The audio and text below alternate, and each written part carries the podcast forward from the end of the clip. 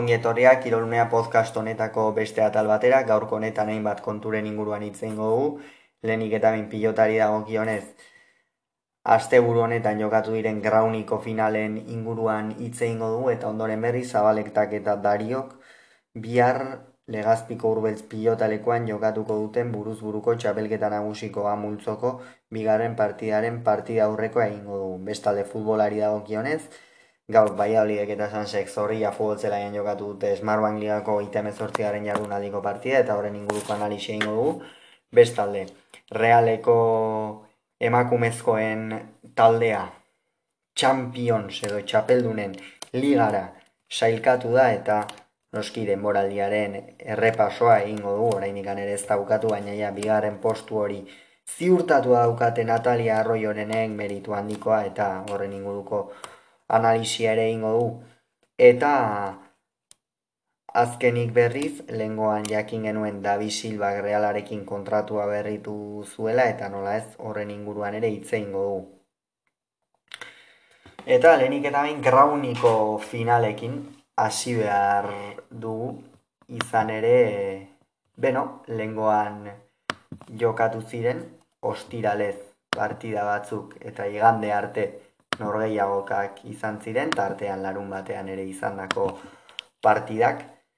Eta, beno, grauni zer den ezakizuen entzate dut, pixka bat lurralde bakoitzeko selekzioak dira. Ez da, kasu honetan, Nafarroak, Gipuzkoak, Bizkaiak, Arabak, Iparraldeak eta Herriosak jokatzen dute txapelketa hau eta lurralde historiko bakoitzak bere bere ordezkariak hautatzen ditu eta pilotako modalidade askotan jokatzen da, bai eskuz, bai palaz, bai trinketean, bai zestapuntan, bai erremontean, beno, orokorrean, bai joko garbian, orokorrean pilotako modalitate guztietan jokatzen da grauni txapelketa hau eta finalen errepasoa ingo du eta noski baita ere sailkapena, esango dugu ez da. Sailkapena horrela geratu da, lehenengo postuan Nafarroa geratu da,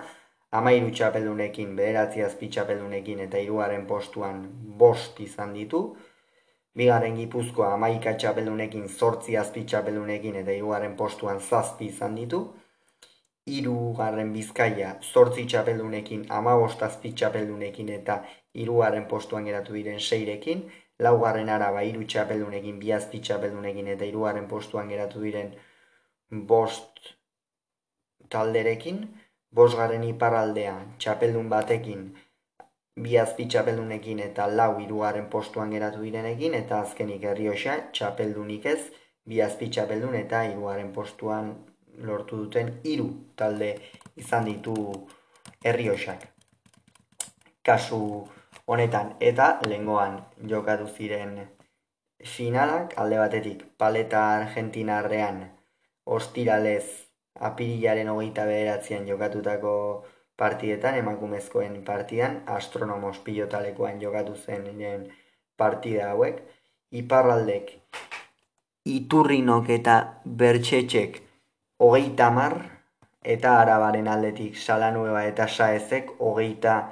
zortzi ondoren berri Santa Maria eta Lukinek berrogei, Bizkaiko Belarrain eta Aspuruk hogei tamar, kasu honetan eskuz binaka nagusiak izan genituen. Eskuz binaka nagusiak izan genituen kasu honetan. Ondoren berriz, bi parti hauek izan ziren ostiralez.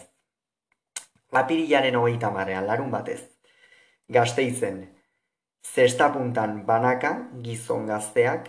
Gipuzkoako agirrek hogeita bost eta amairu irabazizion bizkaiko aldazabali. Zestapuntan banaka hogeita bi urte zazpiko gizonezkoen partidan, Bizkaiko goiti handiak hogeita bost eta hogeita lau irabazizion Gipuzkoako basterrari. Zestapunta banaka nagusiak gizonezkoen kasuan, Bizkaiko lekuek hogeita bost eta amazazpi irabazizion Gipuzkoako manzisi horri. Bestalde, zesta punta binaka emakumezkoen gazteen finalean, Gipuzkoako mendibilek eta lizardik hogeita mar eta hogeita zazpira bazizieten bizkaiko mugartegi eta aldazabali. Ondoren eskuzko partidan, gizonezko gaztea kasu honetan eskuz banaka,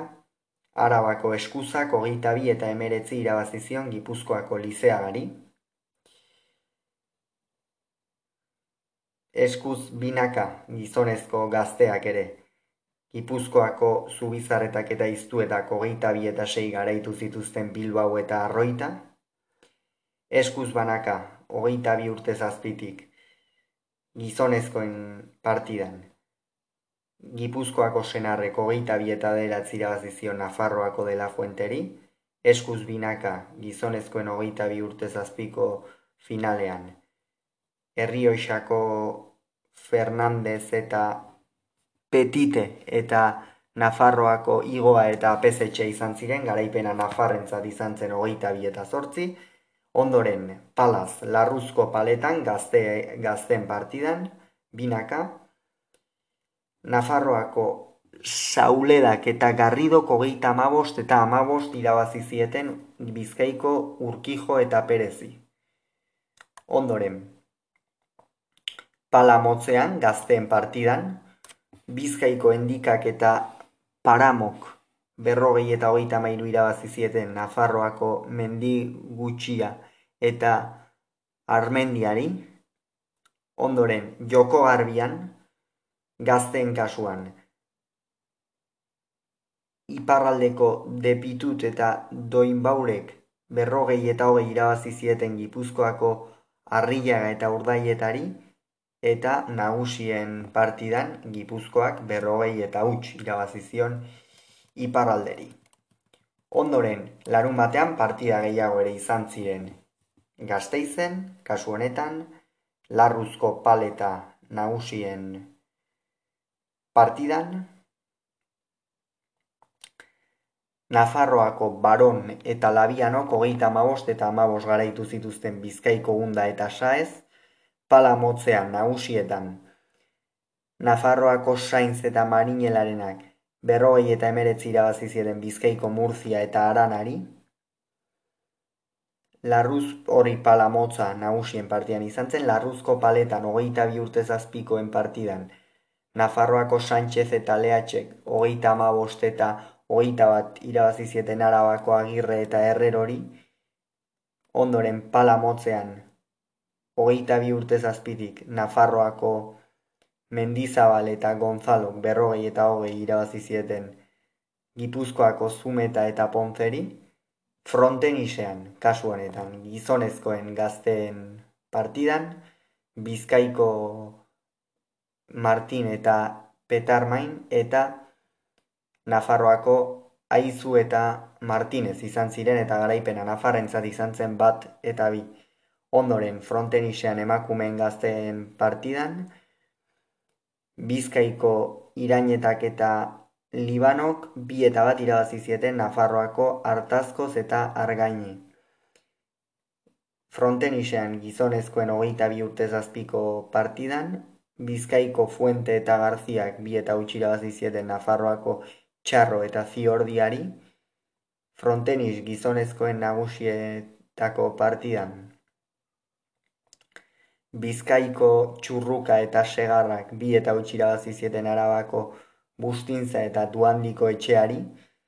ondoren emakumezkoen frontenis nagusien partidan, arabako duenas eta saezek bi eta utx garaitu zituzten herrioxako esti, estabile eta marin, ondoren paleta gomaz emakumezko gazten partidan, Bizkaiko Saez eta Etxebarria eta Nafarroako Kebedo eta Eguzkiza izan ziren garaipena Nafarrentzat izan zen hogeita mar eta hogeita bost. Ondoren, paleta goma emakumezkoen hogeita bi urte zazpiko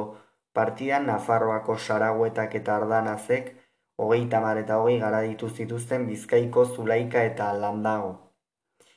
Ondoren, paleta goma emakume nagusien partidan, Gipuzkoako irazustabarrenak eta huitzik, hogeita mar eta hogeita lau garaitu zituzten bizkaiko iturbe eta etxaniz, ondoren, zesta puntan, binaka gizonezko gazteen partidan, Gipuzkoako urrestik eta kabanek, kabaniasek barkatu, hogeita mar eta hogeita lau garaitu zituzten bizkaiko orma etxea eta mugartegi, zestapuntako binakako gizonezkoen hogeita bi urtezazpiko partidan, iparraldeko urrutiak eta sorozabaleko hogeita mar eta maika garaitu zituzten bizkaiko arakistain eta diaz, eta zestapuntako binaka gizonezkoen nagusien partidan,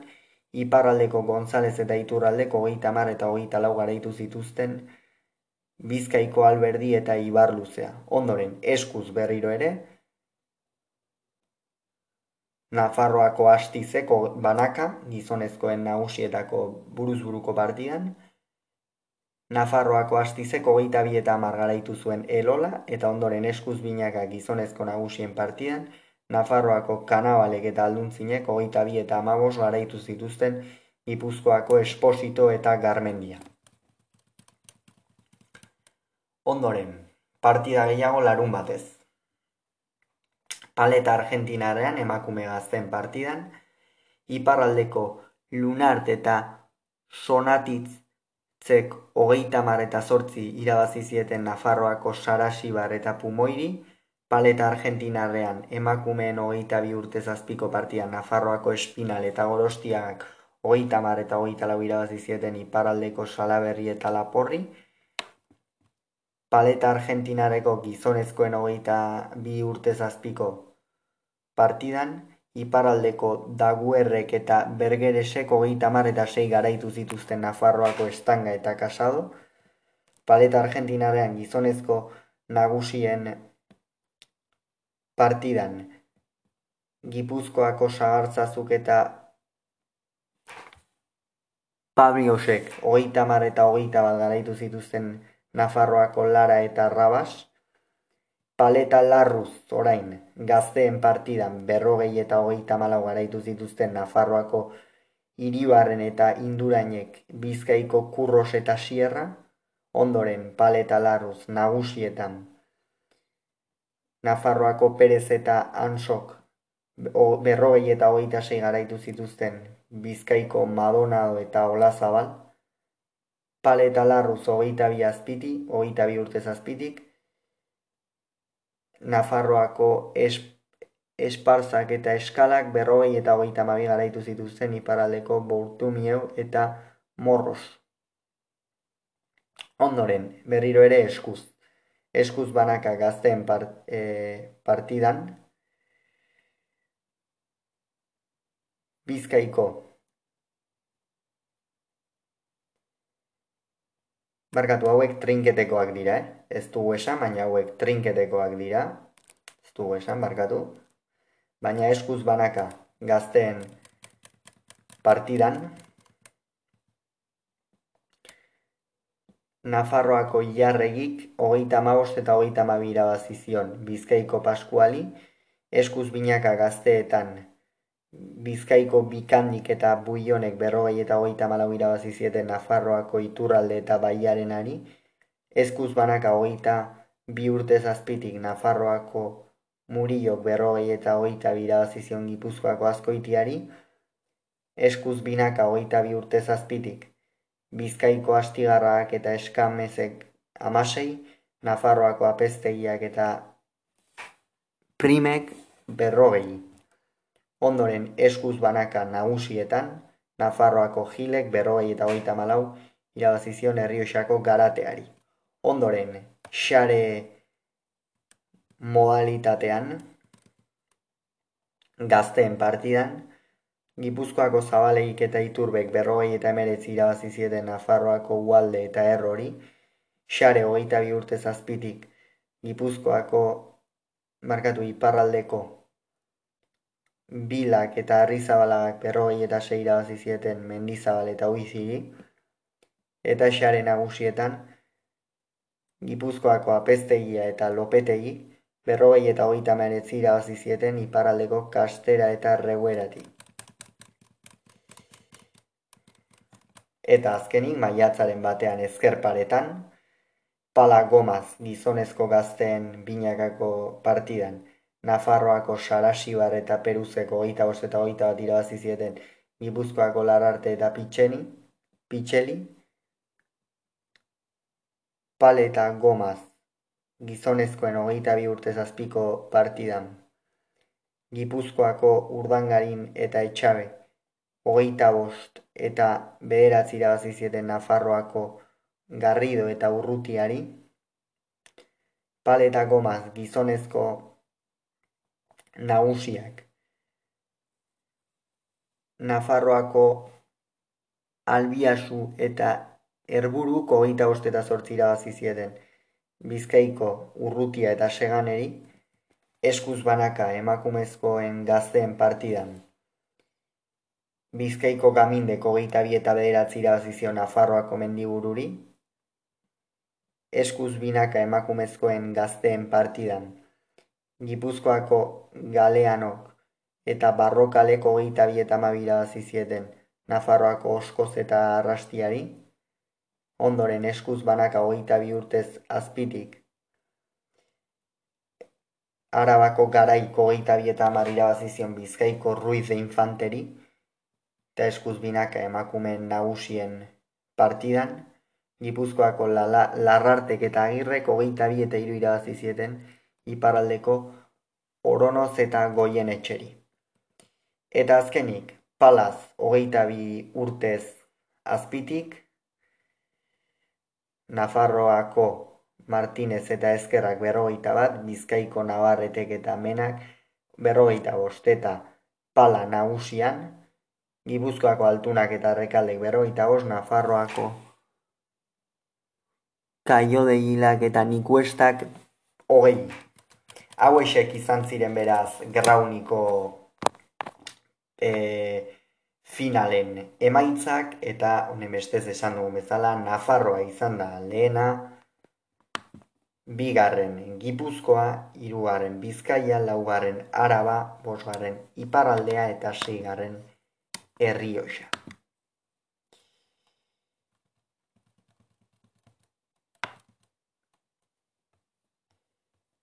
Eta hause izan da beraz, grauniren inguruan esan behar genuen e, guztia,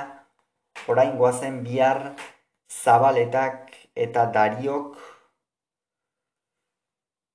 legazpiko urbeltz pilotalekuan jokatuko duten partidaren inguruko partida aurrekoa egitera, partida aurrekoa egitera. Esan bezala bihar jokatuko dute zabaletak eta dario buruz buruko partidako bigarren jardunaldiko amultzoko bigarren partida, Egi esan oso oso partia garrantzitsua bientzat, kasu honetan batariok galduko balu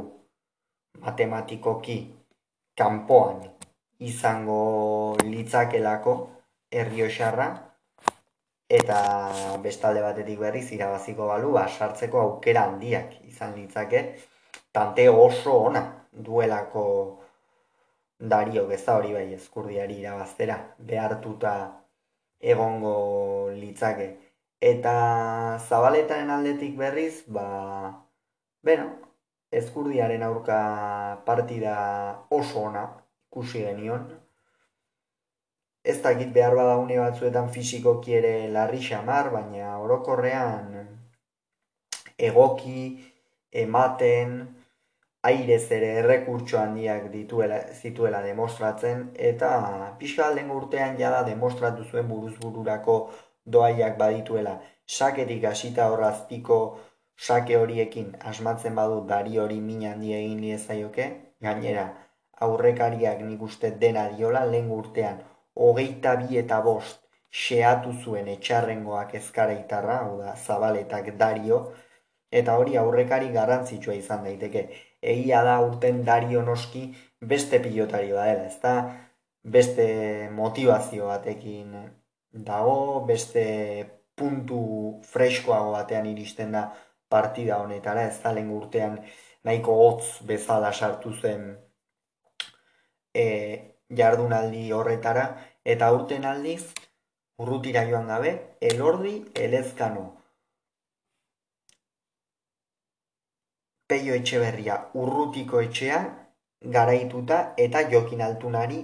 emeretzi tantu eginda. Iritsiko da zabaletaren aurkako partida horretara. beraz noski, Beno, nik ainean favorito xeago hartuko nuke Jose Javier Zabaleta lehen urtean erakutsi zuen mailaren gatik. Batez ere, lehen urtean erakutsi zuen mailaren gatik. Hartuko nuke aburtxo bat favorito xeago Jose Javier Zabaleta, baina dariok erakutsi du oso pilotari arriskutsua dela, saketik mina egiten baldin badio erne ondoren efektoak ere oso ongi menderatzen ditu, baina egia da Zabaleta idean ibiltzen haste baldin bada naiz eta dariok sekulako hankak eduki hor kosta, kosta diezaiokela. Kosta diezaiokela dari hori. Eta horre gaitikan, apur bat e, zabaletaren aurkako joera erakutsiko dut kasu honetan ez da. Hau izan da partida honen, partida aurrekoaren inguruan esan beharreko guztia, ea bihar zer den legazpiko urbeltz pilotarekoan esan bezala. Eta orain zen frontoietatik futbol zelaietara izan ere gaur sansek balentria handi ikerakarriko garaipena lortu du puzera. Bat eta bi irabazi dio baiadolidi irugarren selkatuari bat eta bi irabazi dio kasu honetan irurogeita bat garen minutuan Eliamikek bere atean egin du gola, ondoren irurogeita amasi garenean Eliamikek realaren bigarrena ere bere atean, eta azkenik Iban Sánchezek itxuratu du markailua bat eta bikoa larogeita bosgarren minutuan eginez. Oraindik ere nahiko nahiko nola esan ez ez da ohikoena Sanse partida hau aurrera ateratzen ikuste ez dakit nola esan ez da. Beno, bitaldeak onela atera dira, patxetak lau iru iruko sistemaren aldeko apustua egindu, masip izan da tepean, janko eskuine galetik Raul García Carnero ezkerre galetik, Josema eta Ilamik atzealdearen erdialdean ondoren. Zelai erdia anuarrek aguadok eta Iban Sánchezeko osatu dute eta goian ezkerretik Toni Bila, eskuinetik Gonzalo Plata eta goian golaren arduradun Beisman izan da. Realaren aldetik berri Xabi Alonso berriro ere bost irubikoaren alde egin du. Andoni Zubi aurre izan da tepean, eskuine galetik gale sola ezkerre galetik Ander Martin, baina hauek oso oso erasokor jardun dira. Ondoren, hiru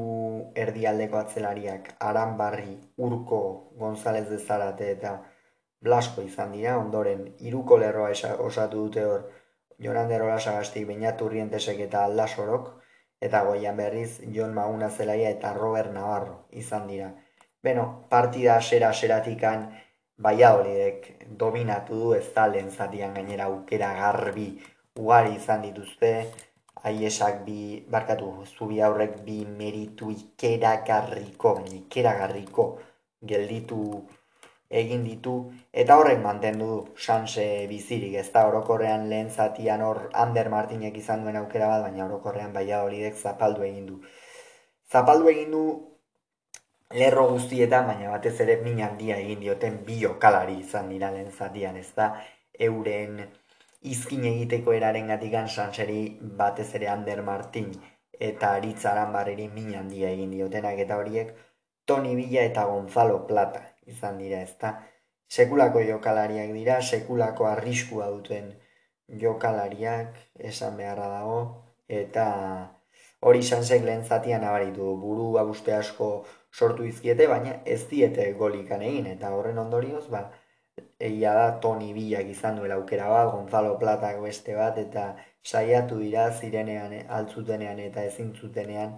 baina ez dute ez dute lehen zatian gola sartzerik lortu, eta horren ondorioz, bigarren zatira, harritzekoa bada ere, partide ikusi duen batek harritzekoa bada ere, bigarren zatian, na, sanse bizirik iritsi da. Eta hortik etorri da, irurogeita bat garren minutuan, hor, falta bat, aleia, sansek, geldikako jokaldietan atera behartzioen etekina hor izan duen falta apurretako batean, Ander Martinek barrurantz intentzio gaiztoen arekin jaurti, eta hortzen el jamik ez du asmatu aldaratzerako garaian eta sanseren lehen gola etorri da. Espero gabea zen lehenengo kolori ez da azken finean, ba beno, e, baia hori nagusitasuna erabatekoa zela esan genezake gauzak diren bezala, baina Sanse bagenekien estrategiako jokaldi, jokaldi horietan aukerak izan zitzakela, ez, zalantzari gabe. Ondoren irurogeita irugarren minutuan Beismanen gola egin du, baina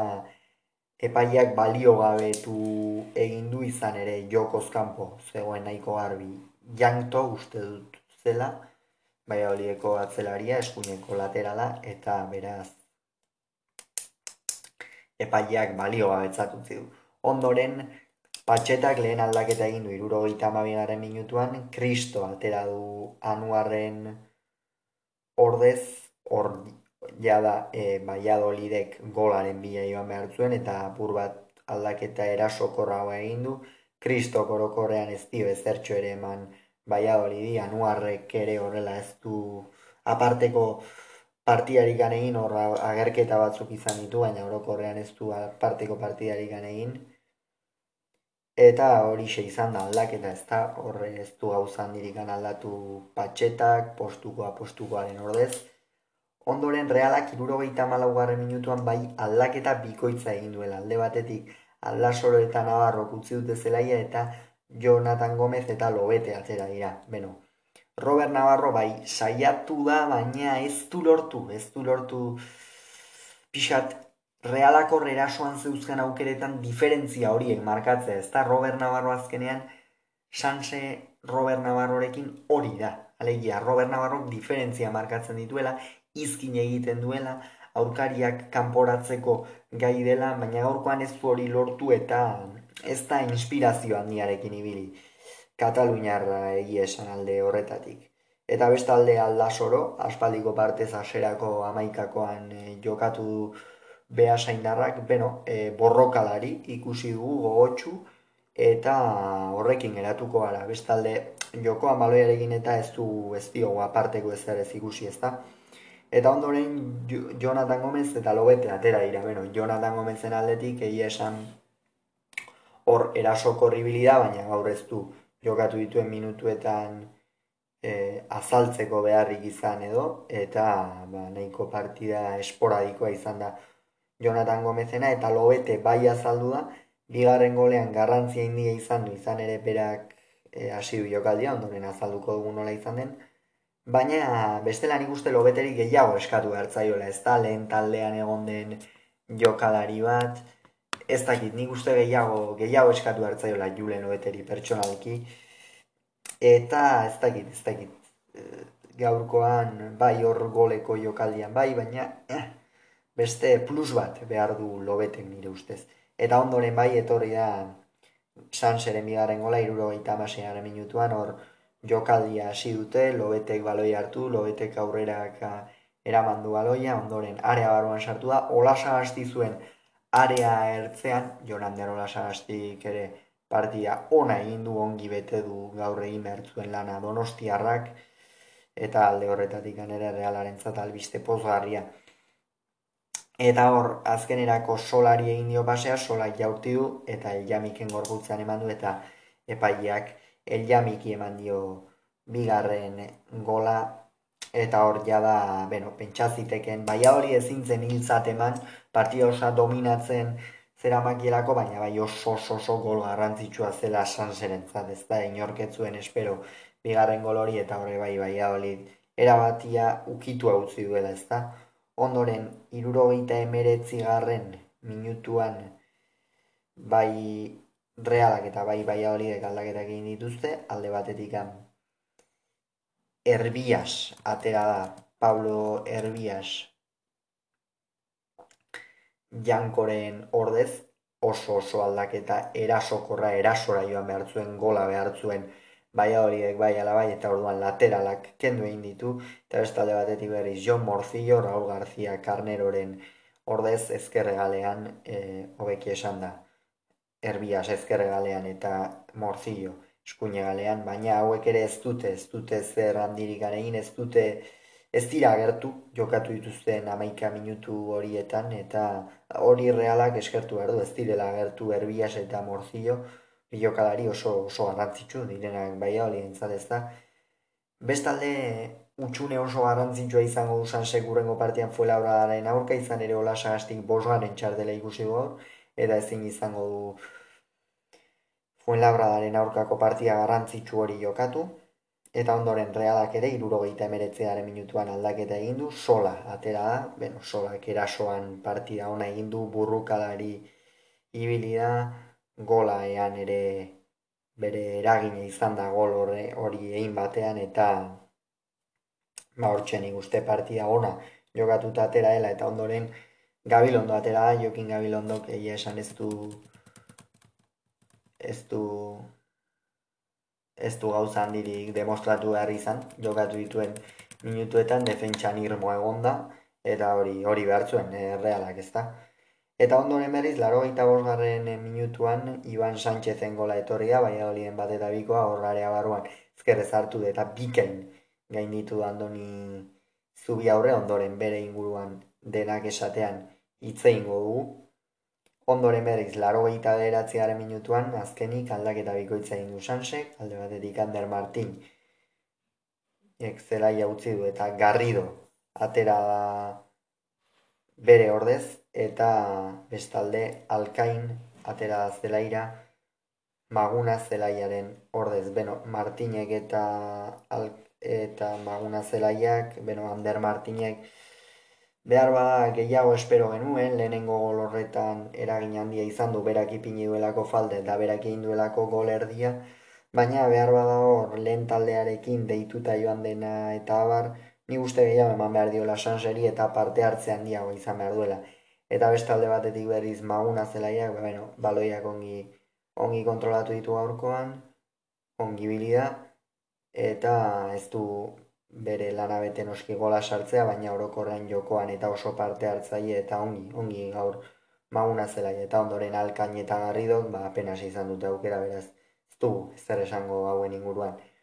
Beste kontu batzuk aipatu behar ditu, alde baterik andoni zui aurreren partida noski aipatu beharrekoa ez da, berak salbatu du sanse, eta iruditzen zait honen inguruan ere itzein dugu, saio honetan, edo barkatu podcast honetan ziuraski egunen, egunen batean, baina andoni zubi aurrek izan beharko luke nire ustez realaeko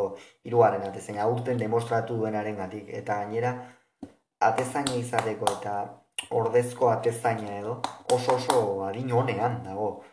andoni zubi aurre une honetan, eta nik uste realak probestu behar duela eta behingoz zubietatik aspaldiko partez, ba, atezain bat, atera lehen talderako, ez da.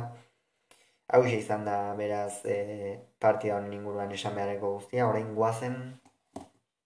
ba, realeko emakumezkoen inguruan hitz egitera izan ere bai, lortu dute denbora kontua zen noski, baina lengoan rai hori pasara ikeragarria eman ostean realeko emakumezkoen taldea Champions Ligeko taldea da. Bejon deiela taldeko guztiei bai entrenatzaiei bai jokalariei bai denei, denei. Izan ere, sekulako balentria lortu dute aurten Atletico de Madrid edo Real Madrid bezalako taldeen gainetik geratu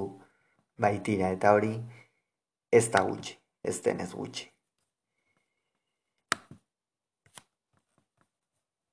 Hortxe, reala bigarren postuan da, eta jala Championseko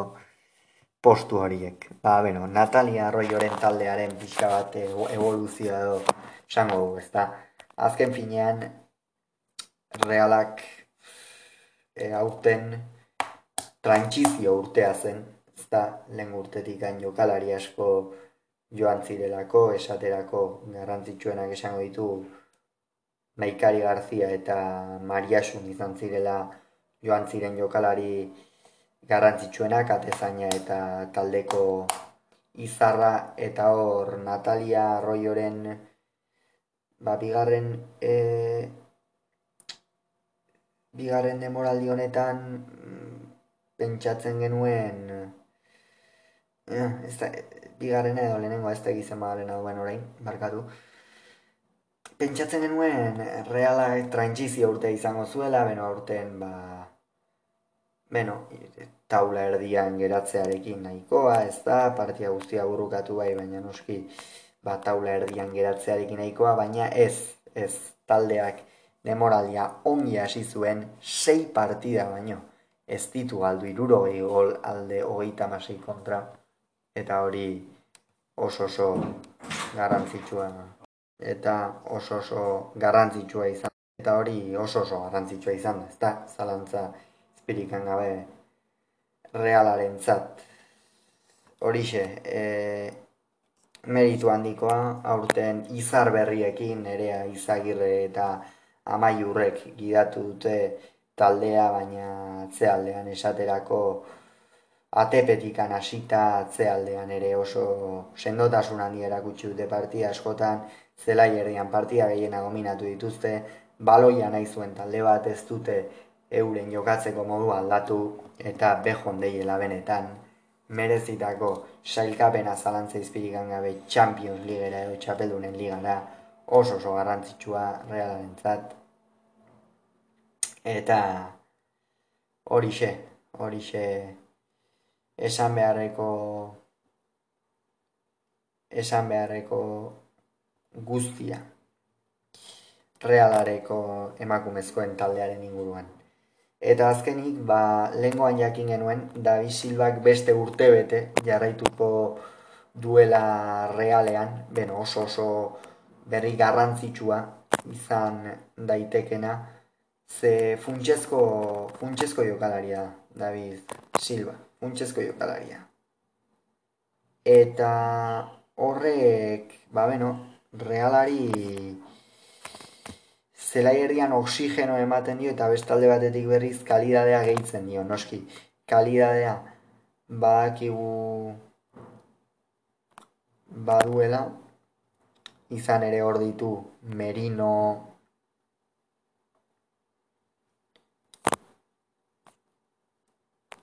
hor ditu Zubimendi eta Rafinarekin ikusiko dugu zer gertatzen den. Baina hor oso oso kalitatea handia dauka, baina beste kalitatea gehitze hori eta Silva beste urte bete jarraitzea garrantzitsua. Daia Silvak, ba ben realean pasa dituen urteetan ez dituela partida asko jokatu aurten gehiago jokatzen ari da lehen urtean baino, lehen urtean ez zuen bat ere zorterikan izan lesioi dagokienez, Baina urten, behinik behin, ba, ba beno, beste, beste modu batera aria, aria silba,